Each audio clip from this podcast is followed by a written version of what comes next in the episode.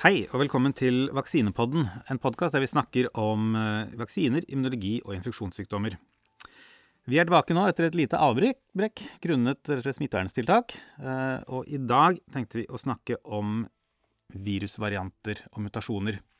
Eh, Vi, har, vi ser daglig at disse ulike SARS-CoV-2-variantene opptar et større del av nyhetsbildet.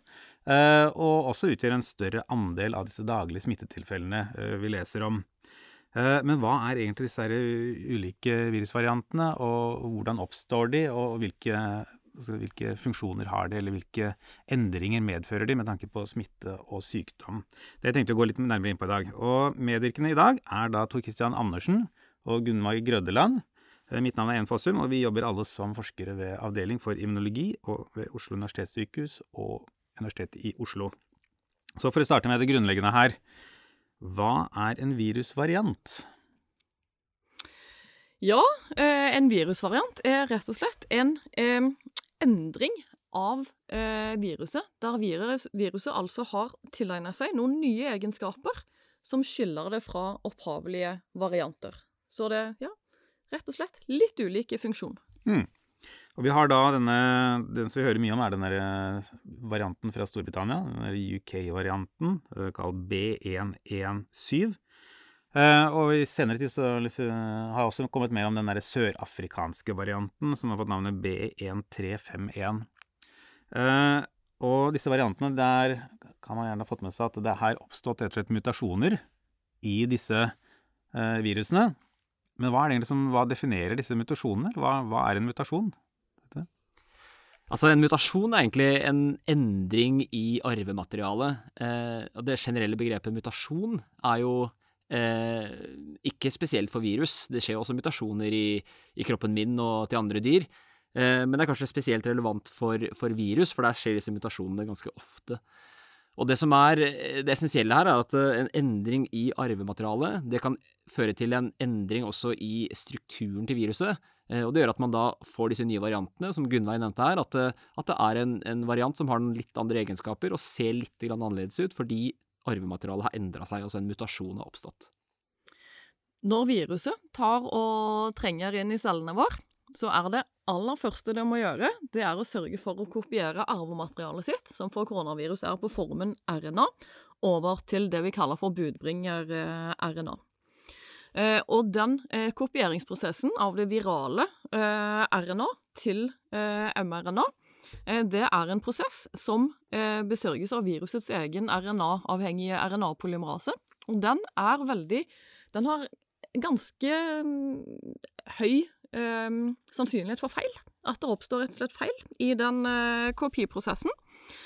Eh, sånn at, og de feilene oppstår tilfeldig.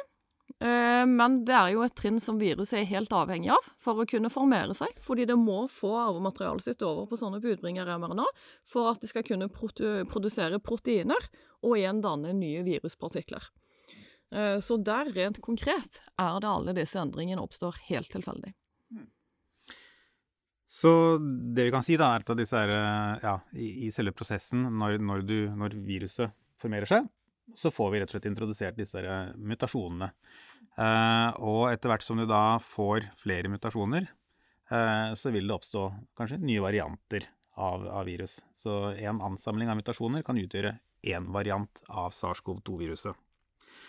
Uh, og men vet du, Hva er det som på en måte driver fram disse mutasjonene? Uh, det er at, uh, en ting er på en måte at eh, selve dette, eh, dette, denne polymerasen som, som formerer, eller på en måte er, er viktig for å replikere viruset, er litt sånn slepphendt og gjør jobben litt sånn eh, ja, eh, slapt, rett og slett. Det innfører mutasjoner. Men visse mutasjoner blir på en måte værende, andre blir borte. Hva er det som driver den prosessen? Det som er viktig å forstå er at viruset er jo ikke intelligent, så det gjør ikke disse feilene på en måte målretta eller med vilje. Disse feilene oppstår, som Gunveig nevnte, helt tilfeldig. Og i de aller fleste tilfellene så fører disse feilene til at det blir danna virusvarianter som rett og slett er, ikke egentlig er levedyktige, og er egentlig såpass dårlige at de ikke kommer seg noe særlig videre. Eh, men i noen tilfeller så oppstår det igjen ved en tilfeldighet en mutasjon som gir en egenskap som gjør at viruset klarer seg litt bedre enn det det forgjengeren gjorde. Og dette kan f.eks. være at den binder bedre til cellene i luftveiene, som gjør at den smitter mer effektivt. Eller at den f.eks. slipper unna en del av immunforsvaret, som gjør at den eh, får en sjanse til å, til å, smitte flere celler. Og kombinasjonen av disse tingene eh, gjør at eh, denne da vil kunne få overtaket på den originale varianten, og da etablere seg som en, som en, slags ny variant. Men igjen, det er veldig viktig å vite her at uh, disse mutasjonene skjer på et helt tilfeldig grunnlag fra virusets side. Det er ikke noe intelligent driv der viruset bestemmer seg for hvor mutasjonene skal skje. Det er helt tilfeldig. Så nå har vi hørt at uh, der, det har vært mye snakk om den UK-varianten nå. ikke sant? At du, du, varianter har kommet frem litt rett før jul, og egentlig etter, etter jul. Uh, men de har jo oppstått hele tiden. Dette her er jo en prosess som har gått sånn kontinuerlig siden SARS-CoV-2-viruset dukket opp i Wuhan. Uh, og jeg tenkte jeg skulle nevne, for Det var jo en, en, mutasjon som kom opp ganske tidlig, den såkalte D614G-varianten. Og Det var en av de som oppstod helt i begynnelsen av pandemien. Kan vi si noe om den? Ja, den kan vi ta oss og si noe om. Altså Helt kort aller først, hva betyr egentlig når vi sier at den er D614G? Jo, eh, D-en står rett og slett for eh, asparaginsyre. 614 eh, indikerer posisjonen til denne aminosyren, og G-en på slutten indikerer altså at du har hatt en endring fra asparaginsyre til glysin. Sånn at det er altså en faktisk kjemisk endring som har skjedd eh, i eh, proteinet. Ja, her er bare sånn to endret fra én aminosyre til en annen aminosyre. Yes. rett og slett. Eh, og eh, disse aminosyrene har ofte litt forskjellige kjemiske egenskaper, og når eh, du da får endra de kjemiske egenskapene i sentrale posisjoner, så vil det kunne endre eh, funksjon. Eh, og for denne varianten, den ble faktisk oppdaget veldig tidlig, i 2020. Men i eh, desember 2020 eh, så kom den første kurerte publikasjonen som viste hvorfor biologisk denne endringen faktisk hadde hatt noe å si. Og det er fordi han rett og slett tok og låste spikeproteinet i en posisjon som økte bindingsgraden til cellene våre. Og det Eh, som egentlig er viktig å tenke på, er at så langt eh, så har vi mange, mange tusen forskjellige mutasjoner som er observert i SARS-CoV-2.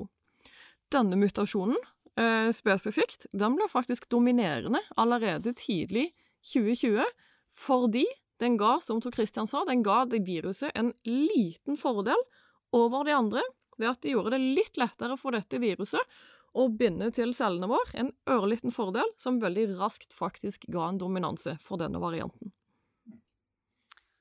Og Resultatet av det, da, bare for å, for å, få, for å få, det med, er at uh, den bindingen, har økt evne til binding, fører ofte til at du kan få flere virus i lungene. Så et resultat man så her, var at eh, antall virus eh, det økte, så hver person som var smittet, kunne bære med seg flere virus, uten at det egentlig påvirka sykdomsbildet spesielt. Og dette er jo objektivt sett en fordel for et virus å kunne eh, kopiere, lage flere kopier av seg selv uten at den som er smitta, merker det i noe særlig grad, og vil da typisk bli mer smittsom. Så dette er på en måte forskjellige nivåer. Eh, ved at eh, mutasjonene og disse endringene av aminosyrene får kjemiske egenskaper som får et resultat som påvirker sykdomsbildet og smitten. Det er kanskje ikke så lett å skjønne alle disse mutasjonene som, som nevnes i, i media. og sånn, og det er For, for disse eh, nye variantene som har kommet nå, med den der britiske varianten og sørafrikanske og brasilianske, så oppgis eh, ofte en del av disse, disse mutasjonene. Og der, der, er det flere andre som har kommet fram. Eh, jeg bare skulle nevne fort her. Det er da K417N, E484K eller N501Y. Så dette er altså tre ulike mutasjoner som har blitt uh, dratt fram. Uh, spesielt for den sørafrikanske varianten og egentlig den Brasil-varianten. Som uh, potensielt medvirkende til at viruset sprer seg raskere, og at det har blitt mer dominerende. Og potensielt også at det har i større grad klart å unngå eksisterende immunitet.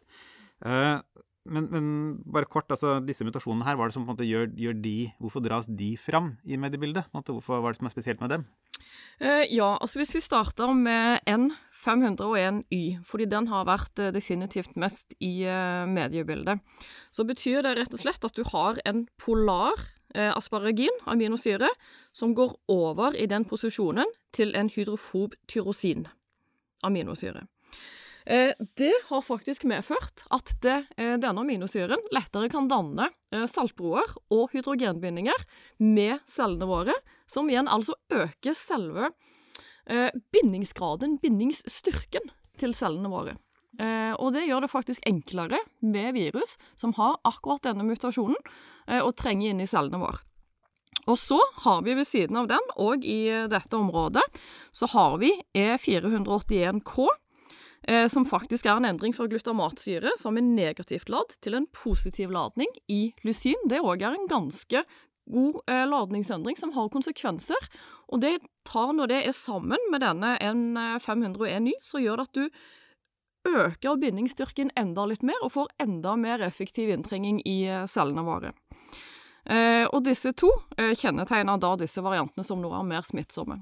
Og hvis du kombinerer disse med denne K417N, eh, som spesielt finnes i den eh, sørafrikanske varianten, eh, så ser man at de tre til sammen tar faktisk og gjerne endrer strukturen på spike i en sånn stor grad at det òg blir vanskelig for en del beskyttende antistoffer mot de tidligere variantene å gjenkjenne dette viruset.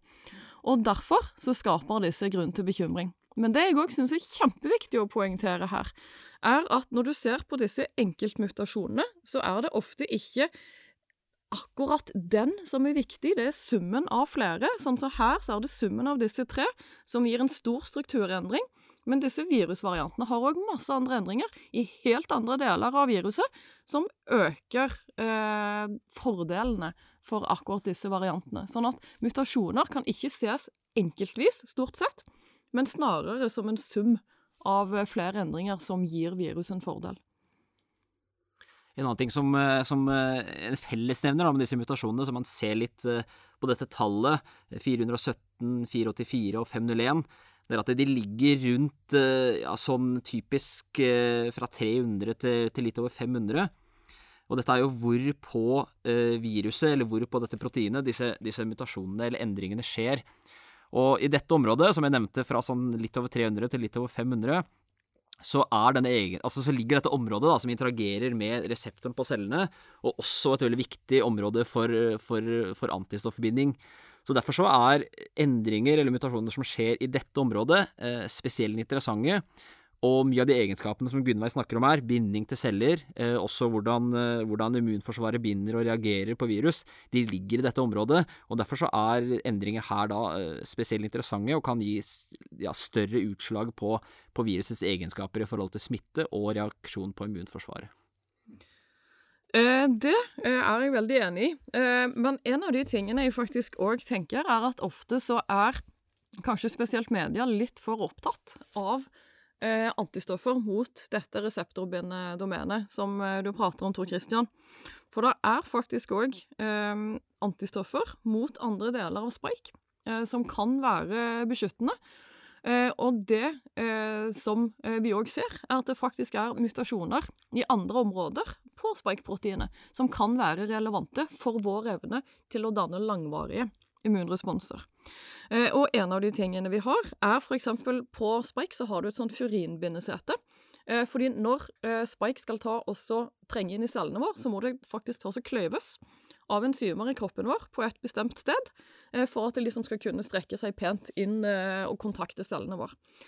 Og det har vært beskrevet at det er mutasjoner i dette bindingssetet, og de vil kunne redusere effekten av antistoffer mot denne delen som egentlig ble regna for å være mer eh, konservert, altså felles for ulike virusvarianter, sånn at man kunne ha mer langvarige responser mot eh, denne.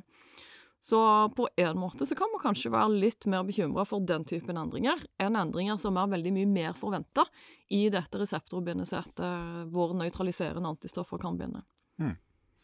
Nei, for Mye av det går vel liksom på, på, hvor man Altså de, rett og slett de eh, immunologiske si, eksperimentene vi kan gjøre på laben for å definere om en, en, en, respons fra enten en person som er vaksinert, eller en som har gjennomgått uh, infeksjon, faktisk beskytter. Og en av måtene da, som er mye brukt, er å se på disse antistoffene som blokkerer binding til cellene. Så selvfølgelig Derfor ble jo også Det var jo den kanskje eh, litt av grunnen til at det ble studert i begynnelsen, i hvert fall, når det gjaldt disse variantene. Der man så at uh, variantene hadde uh, økende evne til å binde til cellene, og at etablert antistoffer i mindre grad blokkerte det. De, de, antistoffene som du snakker om, Gunnar, vil jo selvfølgelig ikke dukke opp i den type analyser, og det er jo litt av utfordringen. at det, De ser man kanskje først når man, når man begynner skal studere vaksineeffekt eller effekt i en større populasjon, om folk fortsatt er smittet. Uh, en annen ting som vi ser her, er at disse mutasjonene uh, de har jo enkelte som har dukket opp flere steder uh, litt sånn uavhengig av hverandre. Og Det som ofte kalles en sånn konvergerende evolusjon, for å bruke et pent ord for det. Og Der man ser rett og slett at mutasjoner dukker opp i ulike land, i ulike steder. og hva er, Det er et sånn typisk tegn på at mutasjoner kan ha, ha, en viss effekt, eller at det har en positiv effekt på, hvert fall på viruset. Vet du noe mer om dette her? Eller? Altså, En ting som er viktig å tenke på, er at dette er et relativt nytt virus i forhold til at det er nytt for mennesker, i hvert fall. Nytt at det sprer seg i mennesker. Og Sånn sett så kan man tenke seg at det er eh, på en måte visse ganske konkrete steg eller egenskaper, eller eh, på en måte måter det er rom for eh, forbedring i forhold til smitte og, og, og det å kunne unnvike immunforsvaret. Og disse egenskapene, eh, når man da har smitte såpass bredt og globalt, så kan man tenke seg at eh, de ved tilfeldigheter så vil på en måte eh, den type tilpasning oppstå forskjellige steder omtrent samtidig. og det er noe som man ser fordi at det er såpass på en måte det er såpass mye rom for forbedring i forhold til at viruset ikke har eksistert i spesielt lang tid i mennesker, eh, og kunne tilpasse seg mennesker. Men dette er jo fremdeles en prosess som kommer til å pågå så lenge denne, eh, altså SARS-CoV-2 vil kunne smitte mennesker. Eh, så der så, så, kommer man til å se på en måte denne type tilpasninger og mutasjoner, der de samme type tilpasningene kan oppstå på forskjellige steder omtrent ja, samtidig. Men dette er igjen egentlig rene tilfeldigheter. Mm. Men eh, når de faktisk oppstår, som eh, eventyr i konvergerende evolusjon på forskjellige steder, så tar jo egentlig det å illustrere hvor viktig eh, nettopp denne egenskapen som man får, er for viruset. Nettopp det at det faktisk blir bedre å smitte mellom mennesker, gir jo virus en kjempefordel. Sånn at virus som nærmer seg den graden av endringer, får jo fordeler uansett hvor endringen oppstår. Så det er jo viktig å understreke, tror jeg. Mm. Det er jo greit å tenke på at altså, altså, Mutasjoner kan jo oppstå, eller nye varianter kan jo eh, komme og gå litt sånn ved tilfeldighet også. Eh, F.eks. på at du har to, to, ulike varianter som oppstår eh, i to ulike personer. Én føler seg litt sånn litt snufsete, holder seg hjemme og ikke sprer det videre. En annen person si, velger å gå på jobb allikevel og på en måte spre det videre. Altså, det kan jo være en sånn tilfeldighet da, som gjør at en, en variant kan begynne å spre seg noe mer. Uh, sånn, sånn, i begynnelsen, som egentlig ikke har noe med selve virusets egenskaper å gjøre. Men selvfølgelig over tid så vil man forvente at uh, de variantene som i større grad sprer seg videre, de vil på en måte få et bedre fotfeste. Men der tar du og insinuerer noe som egentlig er litt uh, interessant òg, Even. Fordi du sier at på en måte den som holder seg hjemme og er syk, den tar jo ikke og sprer videre smitte, mens den som faktisk går på jobb, gjør det. Eh, og det illustrerer egentlig òg veldig fint at det er i virusets interesse, hvis man kan kalle det det, å forårsake mildere sykdom. Eh, sånn at et virus som kan spre seg effektivt dag uten å gjøre folk så syke at de føler de må holde seg hjemme eller bli innlagt på sykehus eller lignende, vil jo faktisk ha en fordel over varianter som gjør det. Eh, og det kan forklare hvorfor man ser eh, at de eh, virusene vi har hatt i samfunnet tidligere, har en tendens til å bevege seg mot mindre eh, farlige varianter. Selvsagt som en blanding av at viruset endrer seg, og at immunresponsene våre endrer seg mot viruset. Men det er òg derfor det er det som er sannsynlig at òg vil skje med SARS-CoV-2 over tid. Vi vil se en sånn sesong korona-SARS-CoV-2 Eh, som sannsynligvis vil kun gi mildere forkjølelse i de aller fleste. Mm. Hvor lang tid vil det ta? Du, det er et fryktelig godt spørsmål. Eh, og eh, hvis du sammenligner med influensa, som jo òg er et sånn type RNA-virus, så vet vi at spanskesyken, som drepte et estimert 50 millioner i 1918 Det tok bare et par år før det var en sånn relativt vanlig sesonginfluensa. Nå var det nok eh, mest pga. immunresponsene våre mot eh, det viruset, som da klarte å behandle det som eh, en mildere sak. Eh, vi vet at de eh, fire eh, koronavariantene som allerede kun lager mild forkjølelse i befolkningen hvert eneste år, de, flere av de oppsto vel rundt 60-70-tallet, og det tok ikke veldig mange år før de ble mildere varianter som vi ikke tenker på. Sånn at det er ikke mulig Ok, Poenget jeg skal fram til, er det er ikke mulig å anslå når dette vil skje, fordi det er, som Tor Christian understreka tidligere, en helt tilfeldig prosess. Men det er trolig at det vil skje i løpet av et par år, eh, er egentlig eh, poenget. Hmm. Det er jo i og for seg et lite lyspunkt, hvis man skal se på dette her, at det, det, det går den veien, sannsynligvis. Vi for håpe det. Ja, Det rette svaret er vel, som Gunve også kommer inn på, er vel at det, det, skjer etter pandemien. Eh, men nå hjelper jo ikke det i forhold til å tidsbestemme noe her. Men, eh, men, men det er jo det som er poenget, at eh, etter at pandemien i den, i den forstand vi kjenner den nå er over, så, så, så oppstår det nok en sesongvariant da, som vil smitte mer på sesongbasis. Ja, men det jeg der vil understreke, er at selv om dette viruset på sikt blir mindre farlig, og et sånn mer forkjølelsesart av virus, så trenger vi de tiltakene vi har i dag, og vi trenger vaksinering nå. Så vi må på en måte skille nåtiden fra den litt hyggeligere framtiden når det gjelder hvordan vi skal møte dette viruset. Mm. Det var jo en egentlig helt super overgang for deg, for da kan vi snakke litt om disse vaksinene uh, som vi har nå, og effekten av dem. Uh, for det har jo vært også skrevet og snakket mye om liksom, hvor, hvor, godt beskytter disse nåværende vaksinene mot disse nye variantene som dukker opp. Og vet vi noe særlig om det, eller var det vi, noe som til å oppsummere sånn kjapt hva vi vet så langt? Ja, eh, for all del. Eh, vi vet eh, Det er mer vi ikke vet enn det vi faktisk vet. Men sånn som det ser ut nå, så vil de vaksinene vi har, de vil fungere veldig godt mot den varianten fra Storbritannia. Fordi der er det veldig få endringer i uh, Spike sammenligna med det som vi hadde tidligere, så der er det ingen grunn til å være bekymra i det hele tatt.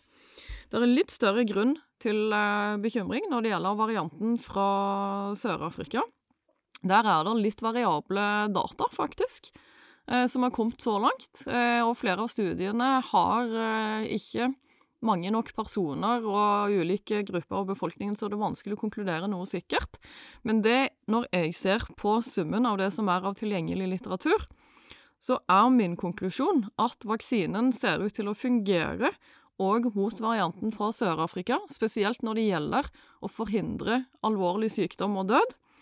Eh, men det ser òg helt klart ut at effekten er noe redusert.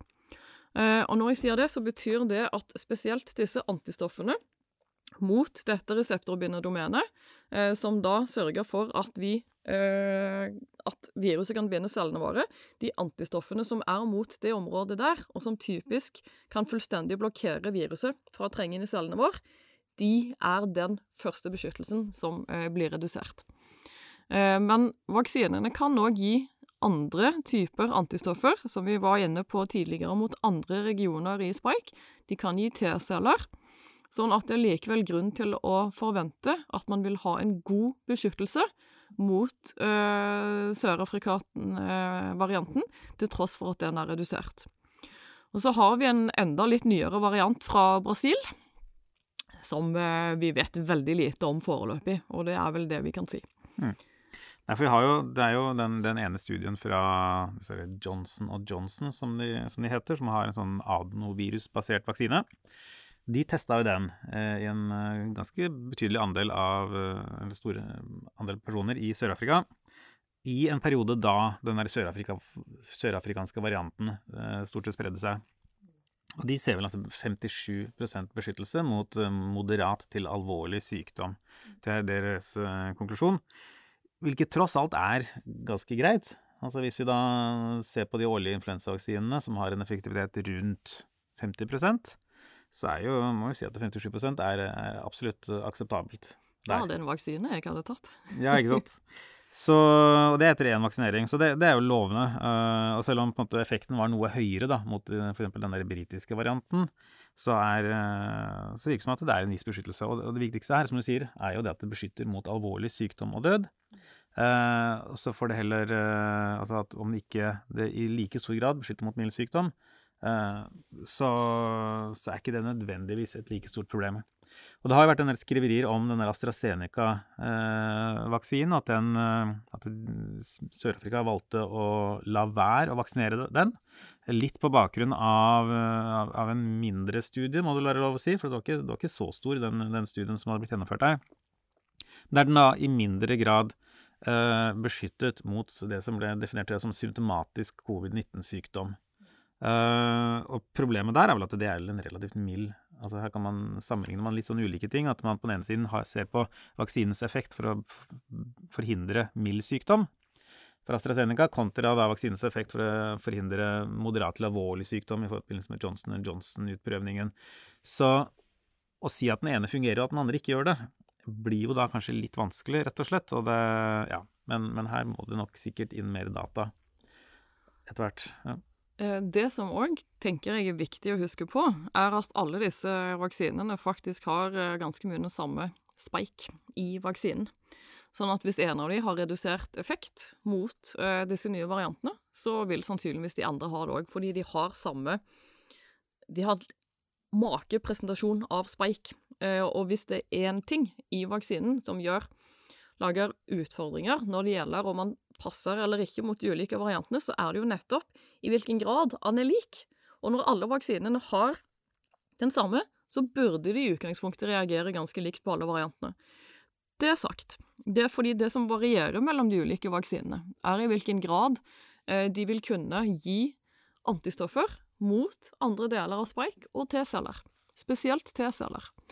Eh, og det er faktisk noe som i liten grad er studert ennå. Eh, og det er den typen immunresponser som vil kunne være effektive når det gjelder å beskytte mot ulike varianter. Så jeg håper framover så vil vi få mer kvalitative studier av eh, i hvilken grad de ulike vaksineformatene har sine styrker eller svakheter når det gjelder ikke bare å indusere på en måte denne kraftige nøytraliserende antistoffresponsen, men disse andre lagene av immunresponser som kan være like viktige mot andre deler av spike og T-celler. Ja, det er eh, veldig viktig å få fram det som Gunnveig sier, at, eh, at uh, dette med at vi har flere vaksinekandidater er en, er en, styrke, og her vil det komme mer data fremover i tid. Når det er sagt, er det også sånn at eh, med det vaksinebildet som er i dag, så er det åpenbart at det er eh, fordel å ta vaksinen, uavhengig av om det kommer varianter som gjør at vaksinen har noe redusert beskyttelse ut ifra det man har sett i de initielle studiene. Eh, når det er også sånn at eh, disse vaksinene er, eh, mange av de i hvert fall, er laget på det som kan kalles for en slags plattformteknologi, som gjør at selve den funksjonelle delen, eller altså RNA eller DNA f.eks., kan endres på, og som gjør at vaksinebildet kan tilpasses smittesituasjonen etter hvert. Som gjør at det, å følge opp med vaksinering uansett blir en fordel uavhengig av på en måte hvilke varianter som dukker opp. Så vil på en måte vaksineringen hjelpe til eh, også framover i tid. Mm.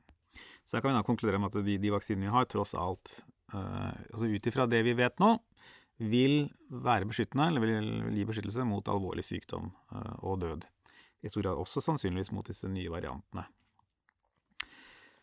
Uh, da tror jeg faktisk vi avslutter på det. Eh, da sier vi takk for oss. Takk til Morten Skoglund ved seksjon for medisinsk informatikk for teknisk produksjon. Eh, hvis du ønsker å lese mer om vaksiner og immunforsvaret vårt, så kan du ta en tur innom bloggen vår, som heter vaksinebloggen.no.